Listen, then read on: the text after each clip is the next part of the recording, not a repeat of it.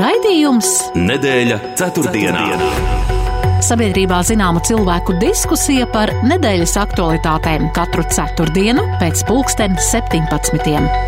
Nedēļa ceturtdienā.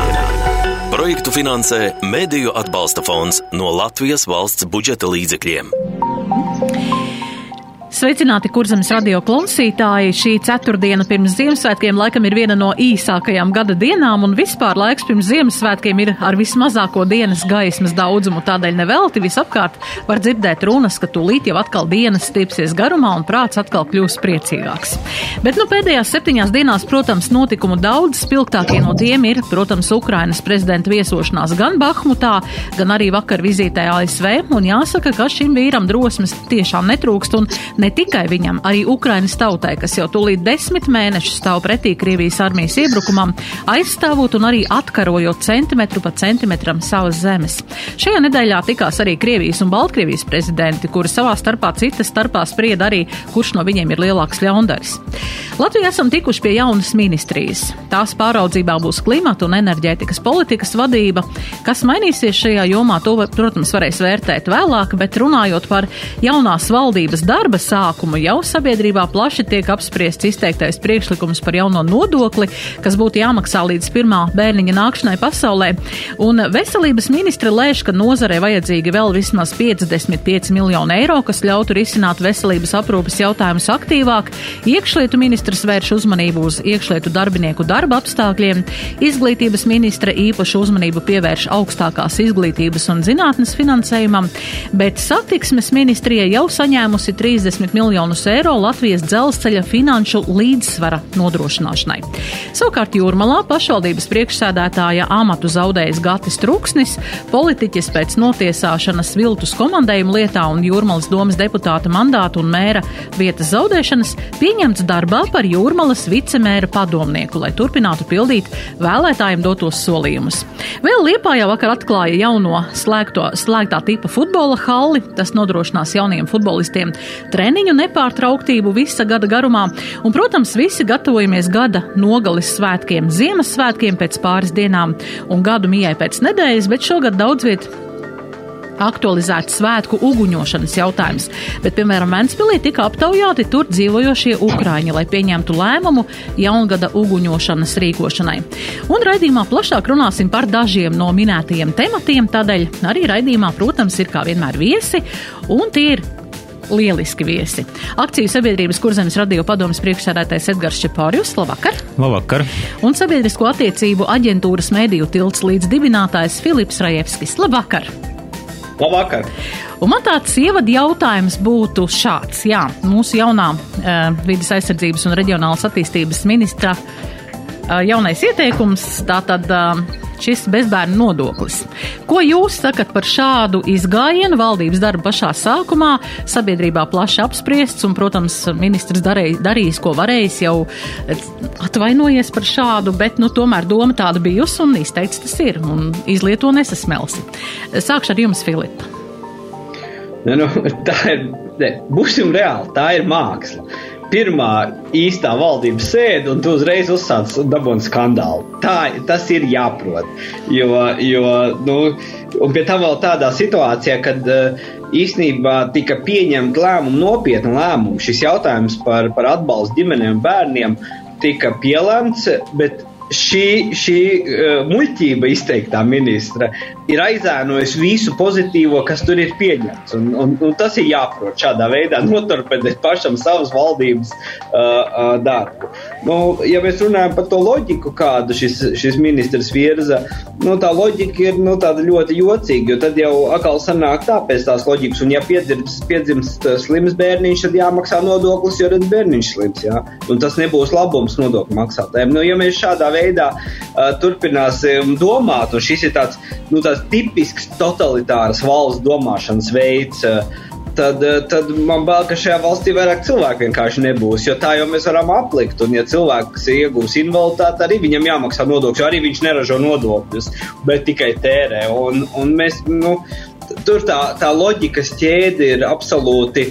Uh, absolūti jokaina, kuru viņš uzsāka kaut kādu šādu, šādu soli. Bet, nu, Bet nu, mākslinieks šād, tas ir jāprot politikā šādi. Jā, bet ieņem vērā, ka viņš tomēr ir bijis kā, nu, pašvaldības vadītājs. Nu, viņam kā būtu jāprot kā, nu, saprast, ko runāt, ko nerunāt un kurā brīdī, Edgars, kāda ir tā doma? Jā, un šeit ir, manuprāt, tieši tā lielākā problēma, jo, jo Springļa kungs ir bijis pašvaldības novada domas vadītājs ilgus gadus. Un, tu, un, un novada vai pilsēta domas ir tādas saimnieciskas vienības. Nu, tur no cilvēka atnāk un no sirds izrunājās un pasaka, ko grib. Tā kā es vairāk pat neskatoties uz to, ka savāds liela atpazīstamība un gan jau, ka mēms ar vēl būs un viss vis, vis, vis, vis, vis, ļoti un tam līdzīgi. Bet šeit es domāju, ka cilvēks nesaprata, ka viņš ir vai, vai piemirsa, ka viņš ir nedaudz uh, citā vietā, kur visu filmē, katru vārdu klausās, dzird un pierakst, un, un, un viņi aizķerās. Uh, kas attiecās uz pašu šo ierosinājumu būtību, es pievienojos Filipam par, par loģikas trūkumu, un, un pēc būtības es pat laikam neatbildēšu uz, nekomentēšu šo, jo nu, tur ir absurds, absurds galā tā idejai. Jā, tas varētu tā, tas varētu tā būt. Un, nu, jā, bet, nu, vai atvainojoties, viņš tomēr kaut cik labot to, ka uz viņu varētu arī varbūt kaut kā sabiedrība skatīties mazliet savādāk. Ja mēs skatāmies to atvainošanos, ko viņš ierakstīja Facebook, es pats arī palasīju. Godīgi sakot, uh, uh, viņš jau neatvainojās.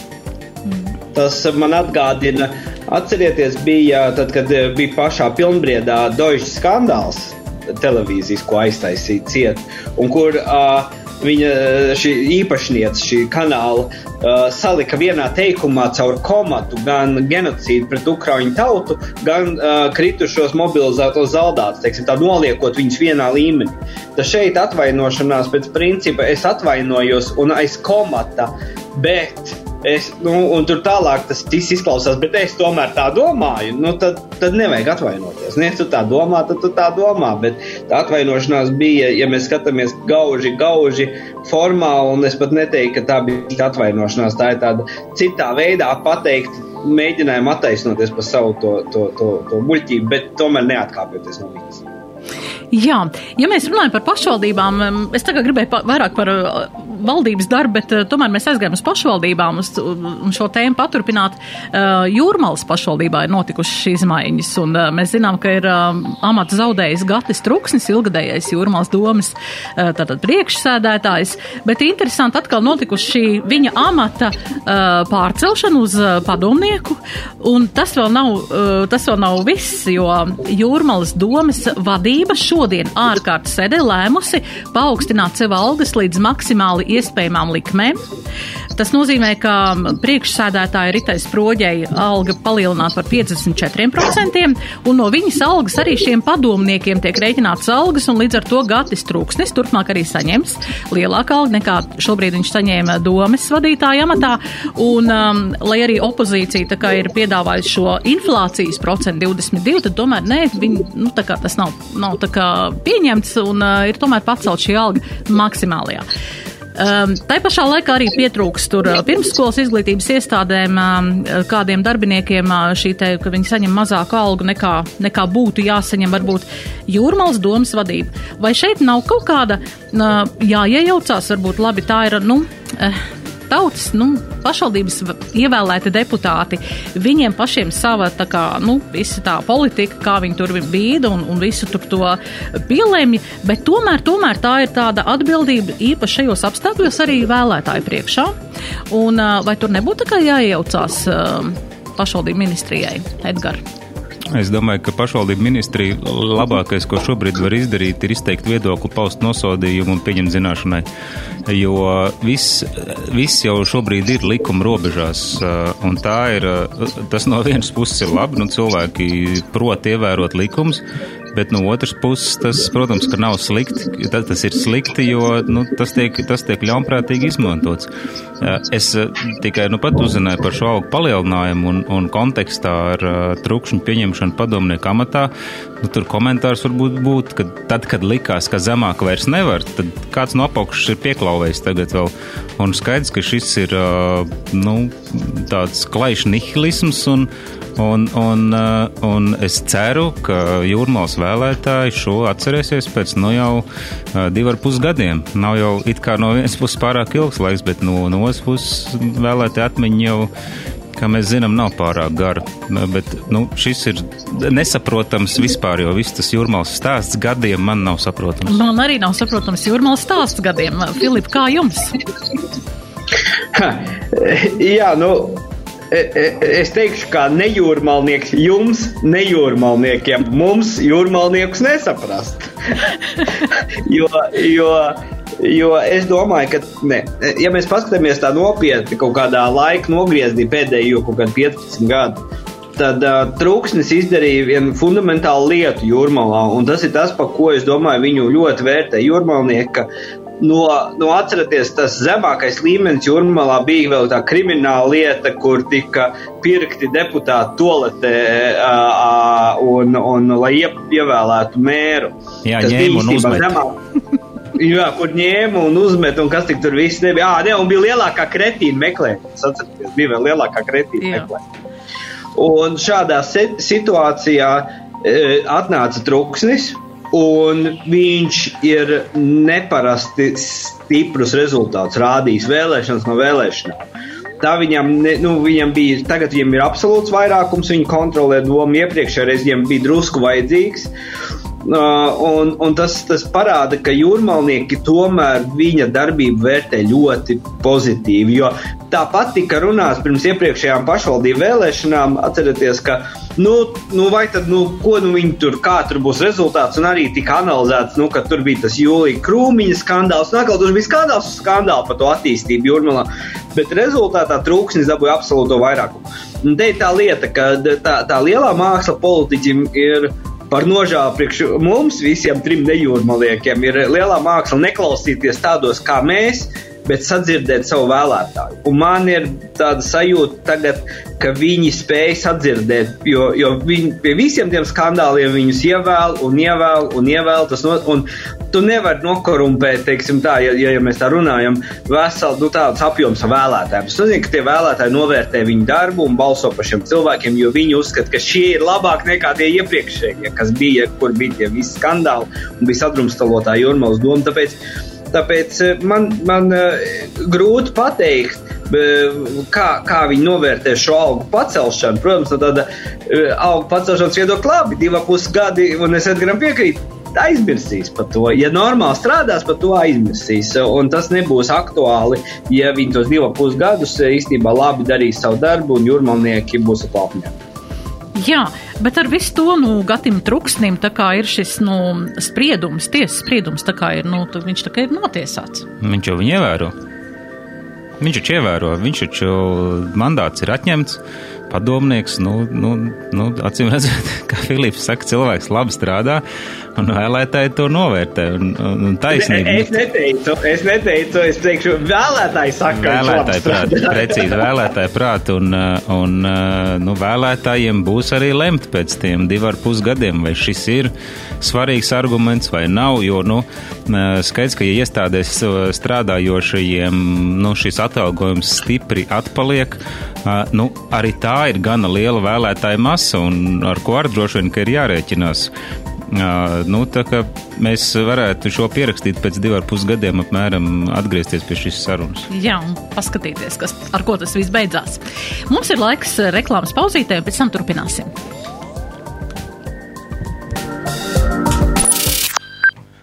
Labākās Ziemassvētku dāvanas ienāks tavās mājās, jo dāvanu maisām gals ir vaļā. Ieva, Santa, klubs, privātā dzīve, lauku māja, deko, mans dārs, ievas stāsti, ievas padomu avīze un daudzi citi žurnāli par svētku cenām tikai līdz 23. decembrim. Žurnāla abonements ir lieliska dāvana, kas priecēs tevi vai tavus mīļos visu gadu. Abonē jebkuru žurnālu nākamajam gadam, mani žurnāli LV un izdrukā abonementu kā dāvanu kārtību. Akciju sabiedrība Delta LV veids Volvo kravas auto diagnostiku, remontu un apkopi. Sagatavo auto ikgadējai tehniskai apskatei. Servisa centrs Delta LV tagad arī saldu Kuldīgas ielā 69C. Vairāk informācijas pa tālruni 29 471 711. Ieskaties arī www.deltlv.lv. Nedēļa ceturtdienā. Un mēs turpinām raidījumu nedēļas ceturtdienā. Šodien raidījuma viesi Edgars Čeporjus un Filips Rajevskis.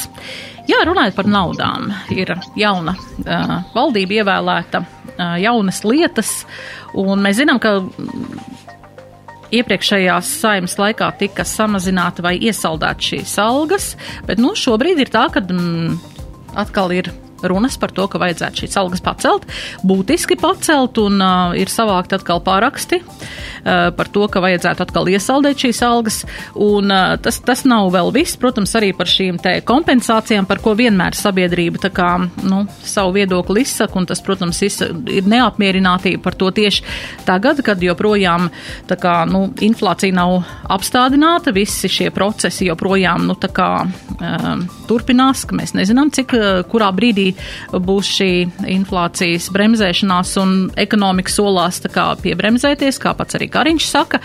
Ko jūs sakat šādā mm, brīdī tagad runāt par to, jā, ka būtiski tiek pacelts ministru un arī uh, valsts um, pārvaldes darbinieku algas un par būtiskiem procentiem? Uh, Filipa. Nu, kā es saprotu, es arī nesaņemu no valsts algu, līdz ar to es nevaru teikt, ka esmu liels eksperts atalgojuma jautājumā, bet tas, ko es saprotu no ziņām, tas interesantākais ir, ka nolēmts ir pacelt visiem, bet pacelt tikai politiķiem. Tie Jā. ierēģi palika kaut kur bešā.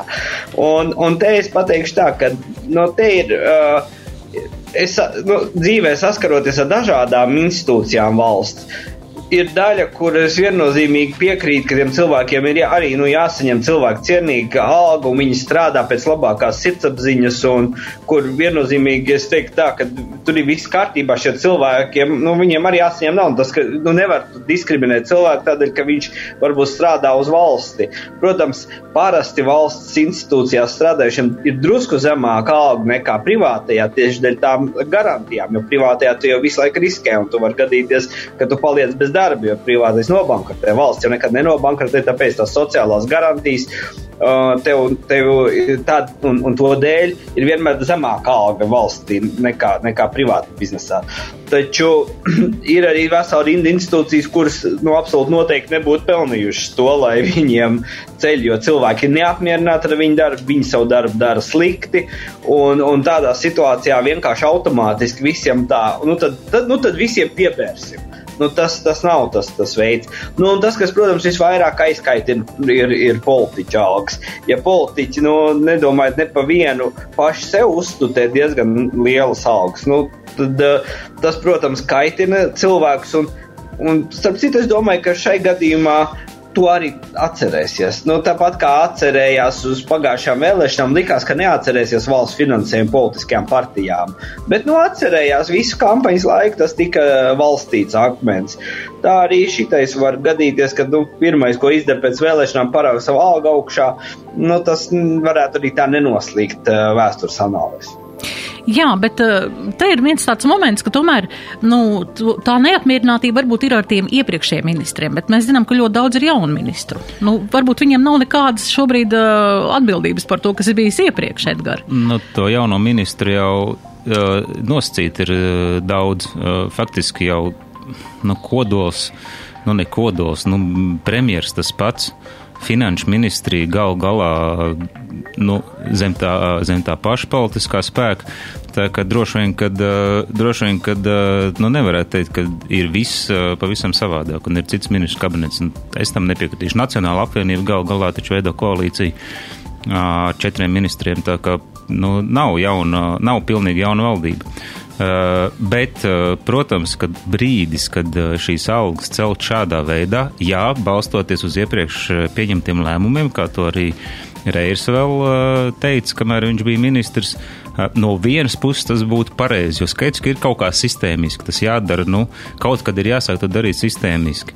No otras puses, tas šobrīd, protams, nav, šobrīd nav pats labākais brīdis, jo sabiedrība ir jūtīga, nu, un kas attiecas uz jau kaut kādiem ne ar ministriem runājot, bet kaut kādām, kaut kādu iestāžu vadītājiem, nu, tur pilnīgi taisnība filma, tur, tur ir jāvērtē darba kvalitāte. Bet pēc, pēc būtības ir skaidrs, ka ministram ir jāsaņem pieklājīgs atalgojums, un pieklājīgs atalgojums nav ne 5, ne 5,5, ne 6 tūkstoši eiro.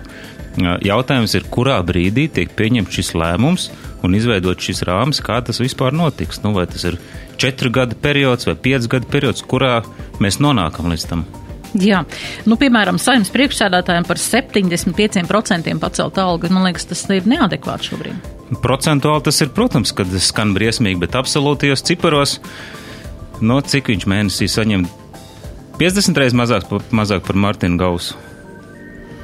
jā, tādā kategorijā skatoties, jā, bet. Jā, bet, bet es oponētu.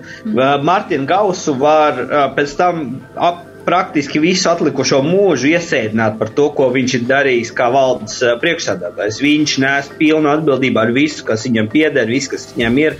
Un mēs redzam pietiekoši piemēru, ka valdes locekļus, kuri, nu, kuri nes to atbildību, viņus arī pēc tam viņiem iet pakaļ uh, ar tiesu un, un, un administratoriem vēl visā, tas, tas tā, tik, to es te nesalīdzinātu. Saimnes priekšsēdētājiem es nezinu, kas ir jāizdara, lai viņam kāds atņemtu naudu. Viņam ir tikai politiskā atbildība, un lielākais sots, kas viņam draud, ir, ka viņi izmet no parlamenta tādā un atņem to algu par iepriekšējo mēnesi.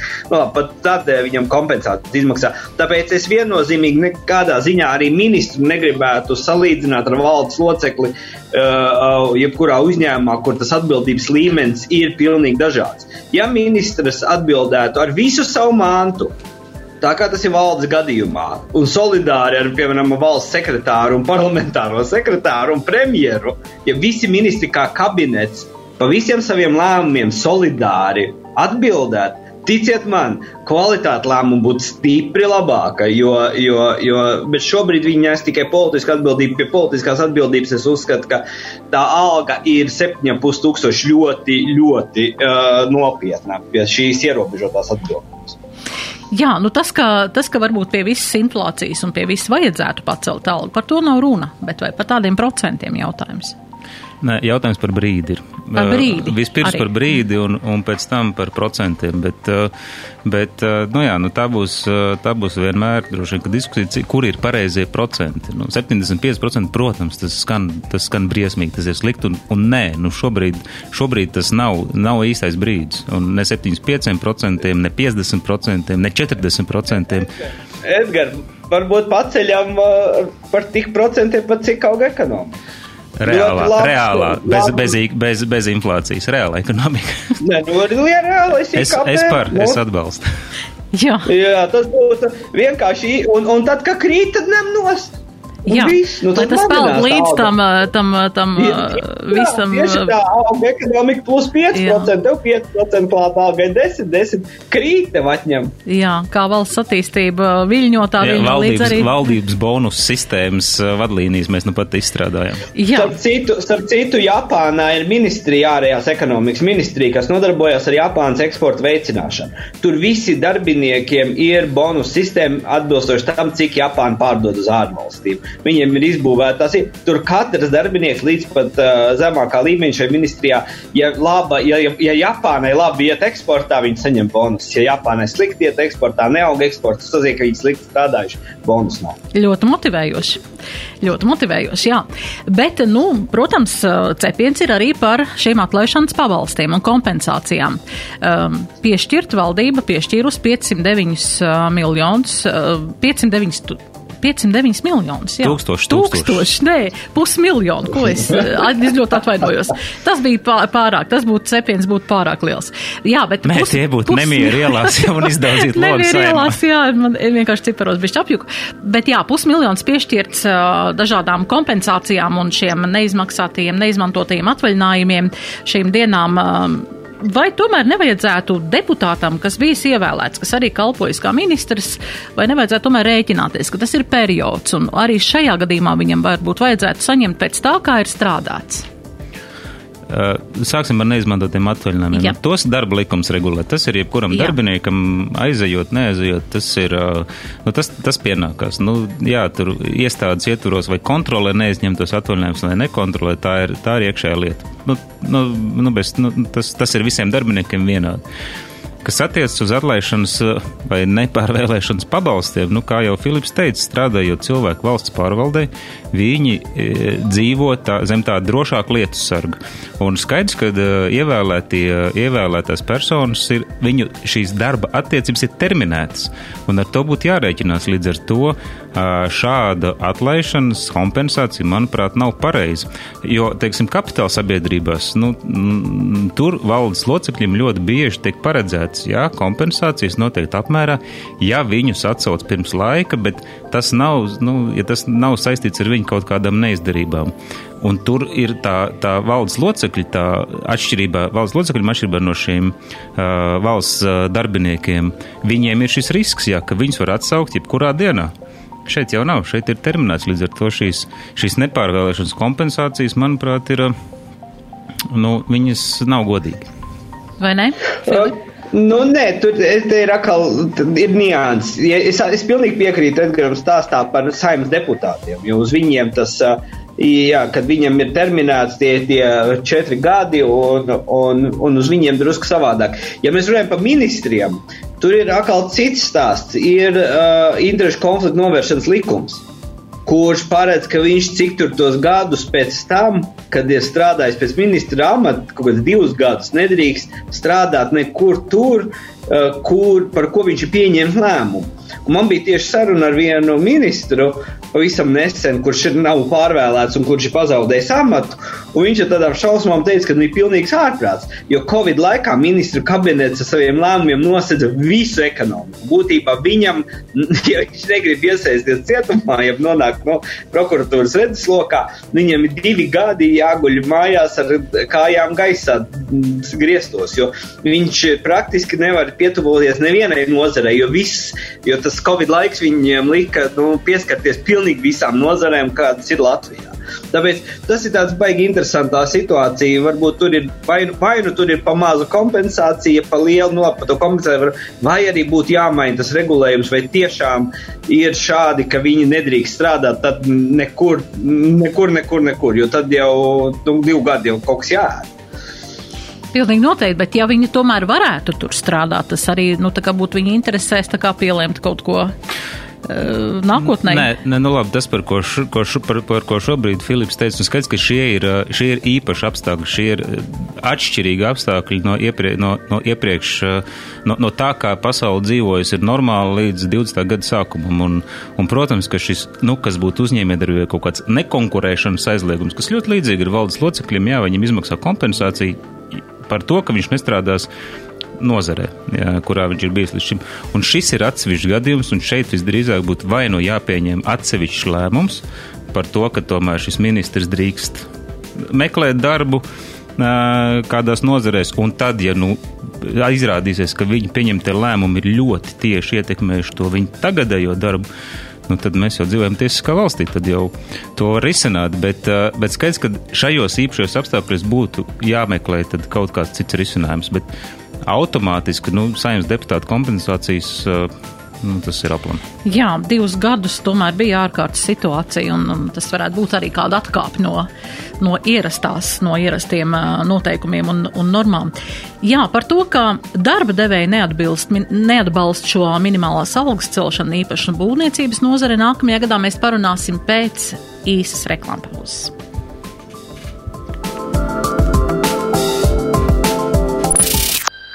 Lai arī kas tu šodien būsi, Ziemassvētku vecītis vai čaklais rūķis, slēpotāja vai darītājs, zini, ka tavā veikalā depo ir viss - ziemas darbiem, priekiem un svētkiem, un zemes cenas katru dienu. TV skatītāju iemīļotākā TV programma latviešu valodā ir laimīgā programma. Anotācijas, plaša TV programma, krustvārdu mīklas un ekrāna jaunumi. Viss, kas nepieciešams TV skatītājiem par izdevīgu cenu, ir laimīgā programma. Abonē gadam, ietaupi no pirkšanas cenas 20 eiro un saņem trīs dāvanas - sienas kalendāru, Nacionālā teātra apmeklējumu un aptiekas kuponu 5 eiro vērtībā. Laimīgā programma! Sabiedrībā zināma cilvēku diskusija par nedēļas aktualitātēm. Nedēļa ceturtdienā. ceturtdienā. Nedēļa ceturtdienā studijas viesi Filips Trajevskis un Edgars Čeporjus. Jā, mēs runājam jau par algu celšanu, un mēs zinām, ka no 23.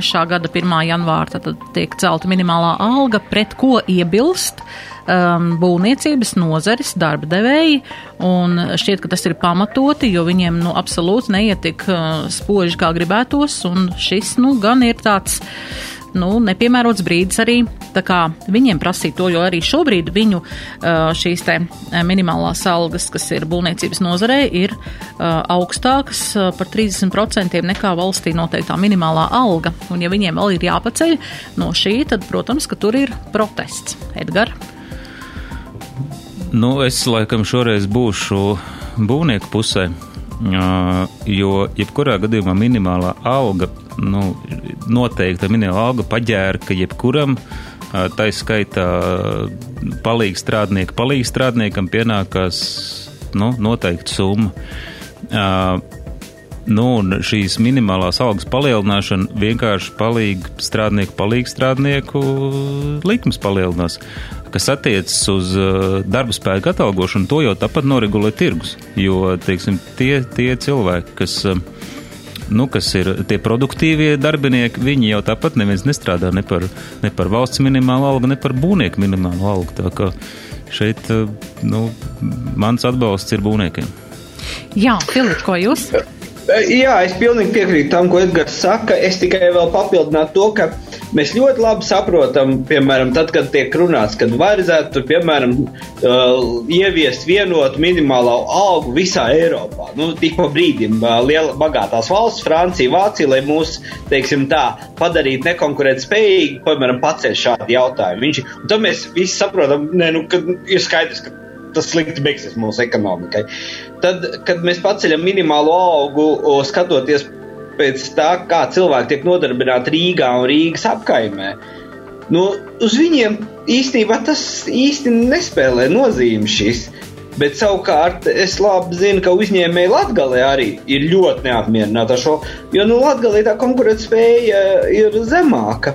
Un, un, un, un viņiem ir vajadzīgs tas, un arī nu, tur viss dzīves dārdība zemāk, tur viss ir savādāk tomēr no tādas finansiālās puses. Un tad tu paņem un visu nogriez ar vienu olekti, nu tad visiem jādzīvo tā kā vecrīgā. Nu, man liekas, ka tur mēs vienkārši padarām, padarām nekonkurētspējīgi paši savus uzņēmējus, kur strādā perifērijā, kur tāpat jau nav viegli strādāt. Un, un tad mēs vēl paņemam viņam, uzliekam lieku slogu papildus. Jo ir jau skaidrs, ka tie cilvēki, kas pie viņiem strādā, nu, ja viņiem nebūtu tā tā, tā darba apmaksa apmierinoši, viņi strādā citur. Mums jau ir brīva, brīva pietiekoši gan cilvēku kustība, gan ekonomika, bet, bet tas nozīmē, ka tur ir viss kaut kā sabalansējies, un tad atnāk kāds gudrinieks no Rīgas un saka, nē, tev jāmaksā vairāk, un ā, tev tur, ā, kur tu nopelnīsi vairāk? Nu, tas nozīmē, ka jāpārdod vai nu vairāk produktu, vai nu jāpārdod viņu dārgāk. Nu, es neticu, ka tie uzņēmēji uh, nu, nedomā par to tāpat bez, šī, bez šīs, tā teikt, injekcijas no Rīgas. Jā, es domāju, ka ne tikai būvnieki, es domāju, ka ne tikai būvnieki, es domāju, tas ir tikai šobrīd, kas ir nonācis informatīvajā telpā. Es domāju, ka arī eh, šajā kategorijā, kas ir pret, varētu būt arī lauksaimnieki, varētu būt arī, eh, nu, ik viens eh, uzņēmējs, kas šobrīd patiesībā ir, nu, skatās, kā vispār izdzīvot jaunajos apstākļos, jaunajos inflācijas apstākļos, Edgars? Nu, jā, nu, protams, ka viņi būs pret un skaidrs, kad atradīs risinājums, eh, noformējot nepilnas slodzes vai tam līdzīgi, vai, vai tie paši būvnieki mainot kaut kādas laika normas, kuras nav regulētas. Katrs būvnieks var darbam izvēlēties uh, savu laika normu un likt viņus tā mēs, tā ka visdrīzāk jau tas tiks risinājums, bet tas jau nekādā veidā neveicina uh, caurspīdīgumu, tas, tas pēc būtības neko neatrisinās, tas būs pēc, pēc formas, jā, izmainīts kaut kas, bet, bet pēc būtības jau, jau, jau tas netiks mainīts. Un galu beigās, ja domā, kāds mūsu valstī par ekonomikas konkurētspēju, nu tad būtu jārisina lietas pēc būtības, nevis pēc formas. Jā, vēl ir kāds, protams, arī, ko uzņēmēji noteikti daudzi par to uh, izsaka savu viedokli, ne tik pozitīvo, ka, nu jā, valdība šajā nedēļā ir atbalstījusi finansējumu vairāk kā 30 miljonus eiro, 30 pus vairāk kā šos miljonus eiro, satiksmes ministrijai piešķirti Latvijas dzelzceļa šī te finanšu tā kā stabilizēšanai. Es domāju, ka neviens uzņēmējs, kas Latvijā strādā likumīgi. Nu, nevar atļauties kaut ko tādu un atrast kādu zelta bēdri, kur viņam kādā situācijā, kad neiet tik labi ar darījumiem, un vai tas ir eksports vai, vai, vai kādā citā veidā, kur var paņemt šādu naudu, ko ieguldīt savā, savu uzņēmumu apritē. Ko jūs sakat par, šādu, uh, par šādiem lēmumiem? Mēs zinām, ka par 20. gadu bija 9,5 miljoni piešķirti, par 21. gadu ir 30,6 miljoni piešķirti Latvijas dzelzceļam. Protams, tas ir liels uh, strateģisks uzņēmums, strateģiski svarīgs, bet tomēr, tomēr šī te um, ieguldīšana uzņēmumos, um, neskatoties to, kā valsts iet? Uh manuprāt, šie 30 miljoni ir tomēr mm, nu, konkrēts mērķfinansējums infrastruktūras uzturēšanai. Un uh, dzelzceļa infrastruktūra ir kritiski svarīga mūsu valstīm. Skaidrs, ka šis dzelzceļš ir jāuztur. Nu, mēs kaut vai redzam šobrīd Ukrainā, cik, cik dzelzceļš ir svarīgs. Uh, mums tāpat ir jāatcerās, ka Baltijas, Baltijas ekspress, ne, es jau domāju tālāk, bet Latvijas dzelzceļš ir nu, gandrīz monopola uzņēmums. Jā, ir mazie pārvadātāji, Baltijas ekspress, piemēram. Uh, un, un, protams, ja šis finansējums tiks izmantots, uh, lai kropļotu tirgu kaut kādā veidā ar, uh, pret privātajiem pārvadātājiem, skaidrs, ka tas ir aplam. Bet šis, ja šis finansējums tiešām tiek novirzīts dzelzceļa infrastruktūras uzturēšanai, nu, tad nav jau, nav jau cita veida, jo mēs, mēs labi zinām, ka kravu plūsma no austrumu robežas ir apstājusies. Un, un droši vien, ka neatgriezīsies, bet šī infrastruktūra jau ir jāuztur jebkurā gadījumā. Jo pretējā gadījumā nu, tiešām mēs varam nonākt pie situācijas, kad vienīgā dzelzceļa līnija, kas darbosies, būs Real Baltica. Jā, Filip, ko jūs sakat par šādām? Nē, nu, Tur ir jāsaprot, jā, ka jāskatās kaut kādā laika periodā. Dzelzceļš arī nav tā, ka nav nesis valstī. Valsts ir ļoti, tad, kad bija labie laiki, nu, no dzelzceļa tur plūda ļoti labi naudu, dividendžu veidā un tā tālāk. Bet es vēl vienu lietu teiktu tā, ka Mums ir ļoti attīstīts dzelzceļa tīkls, un šī dotācija ir domāta šī dzelzceļa tīkla teiksim, tā, finansēšanai. Kas ir, es uzskatu, pareizi, jo mums jā, nu, tā ir vērtība, mūsu valsts vērtība, dzel, jo jaunu dzelzceļa tīklu izbūvēt, nu, mēs redzam, ko tas nozīmē Real Baltica gadījumā, un uzturēt esošo ir daudz labāk nekā, nekā ļaut viņu izzakt, nodot lietas metālūžņos un pazaudēt pilnīgi. Taču ir viena lieta, tas, ko es nesaprotu, kāpēc, ja, ja šit, šāds infrastruktūras nenoslogojums, kāpēc es, piemēram, Rīgā visu laiku redzu baļķvedējus? Vai tiešām ar vilcieniem nevar tos baļķus ievest Rīgā? Un kāpēc tie baļķvedēji pa visu Latviju izdangā ceļus un, un, un traucē braukt pa ceļiem? Jo, piemēram, ir ļoti interesanti lieta, ja mēs braucam uz Vāciju ar automobili, tie cilvēki, kas ir braukuši ar automobīļiem uz Vāciju, viņi visi ir pamanījuši tādu mazu niansu, ka pārbraucot Poliju, Polijas robežai, sākot ar Vāciju, tur nemaz tik daudz tās fūras nav uz ceļiem. Jo tur kravu pārvadājumiem izmanto dzelzceļu. Priekš tā viņš ir, viņiem arī ir attīstīts tīkls, un dzelzceļš ir ieinteresēts katru kravu pievilkt un, un pārvest un nopelnīt tādējādi. Un tāpēc šajā situācijā es uzskatu, ka tad, kad tu dod naudu infrastruktūrai, un kas ir jādara, es vēlreiz saku, tas ir, es domāju, pareizs lēmums, infrastruktūra, kas ir vērtība jāuztur. Bet es domāju, ka ir arī jāpiespiež, lai, lai, lai uh, viņš strādā dzelzceļš kā jau valsts valstī piedarošs uzņēmums gan uz peļņu, gan arī uz maksimālu šīs infrastruktūras efektīvu izmantošanu, lai tas dotu labumu visai sabiedrībai. Un, piemēram, baļķvedēju aizvākšanu no ceļiem pārcelšanu uz sliedēm, un pa sliedēm vairs absolūti mierīgi viņi varam ierest, ievest jebkurā ostā Latvijā, nu izņemot, man liekas, mazajās nav visās sliedas, bet, bet tā pa lielām mēs pa sliedēm varam lielajās ostās stabili ievest baļķus, un tur tas lielais apjoms ir, un aizvāciet tos baļķvedējus no ceļiem, un lai viņi nebojā mums ceļus un netraucē braukt. Un es domāju, ka tad nebūtu jautājumā, kāpēc mums jāmaksā 30 miljoni. Jā, bet valstī ir normatīvais regulējums, kas nosaka valsts pienākumu piešķirt finansējumu gadījumos, ja publiskās lietošanas dzelzceļa infrastruktūras pārvaldītājiem veidojas finanšu līdzekļu deficīts, kas saistīts ar neiegūtiem saimnieciskās darbības ieņēmumiem. Jā, bet šis ir tas, ko, par ko Filips mm. teica, ka pats uh, Latvijas dzelzceļš uh, visticamāk nebūtu nav izvērtējis un mēģinājis izmantot visas iespējas uh, nopelnīt šo naudu. Un tieši tā iekšējie pārvadājumi Latvijā ir, ir ļoti vāji attīstīti. Tā ir izcinām problēma. Skaidrs, ka baļķvedēju īpašnieki un operatori un mēžu izstrādātāji ir pieraduši, ka loģistiku viņi organizē pa ceļiem ar kravas transporta līdzekļiem, un šobrīd īsti viņi droši vien neprot to izdarīt, noorganizēt. Jo tā ir cita specifika, tur ir jāsaprot tarifu sistēma, ir jāsaprot, kā organizēt maršruts, kā komplektē sastāvus. Bet tas kā reiz būtu Latvijas dzelzceļam vai LZ Cargo, nu tā grupa ir liela uzdevums, tad izdomāt, kā viņš šo produktu var iepakot gan vienkārši un saprotam un uh, noslogo šos ceļus. Un, un tad jā, par to daļu, ko tomēr nevar nopelnīt, jo droši vien, kad naftas produktu tranzīts un, un ogles un kālijas sāls stipri vairāk ienes Latvijas dzelzceļa maciņā, jā, nu tad to daļu arī varētu piefinansēt. Tā kā ir vieta izaugsmē. Jā, un es redzu, ka tas ir viss, tas ir satiksmes ministrijas lauciņš risināms patiesībā. Nu, ko? Mums ir jauna ministrija, klimata un enerģētikas ministrija, kur ir savienots kaut kas no vidas aizsardzības, kaut kas no uh, ekonomikas ministrijas funkcijām, un uh, kā es tagad redzu, labi, tas būs jaunajā, pēc jaunā gada būs šis te vairāk par šo te spriedīs un vairāk būs arī zināms, bet vidas aizsardzības un reģionālās attīstības ministrija var atsaukties vienkārši reģionālās attīstības ministrija, jo vidas jautājumi būs nodot klimata un enerģētikas ministrijai. Tas tāds joks, jā, bet ko jūs sakat par šādas ministrijas liederību un, um, nu jā, šī viņu funkciju um, svarīgums un vai tas, ko tas maksās valstī? Filip? Ah, ne, maksās, tur būs 50 ierēģi. Tas Jā. maksās.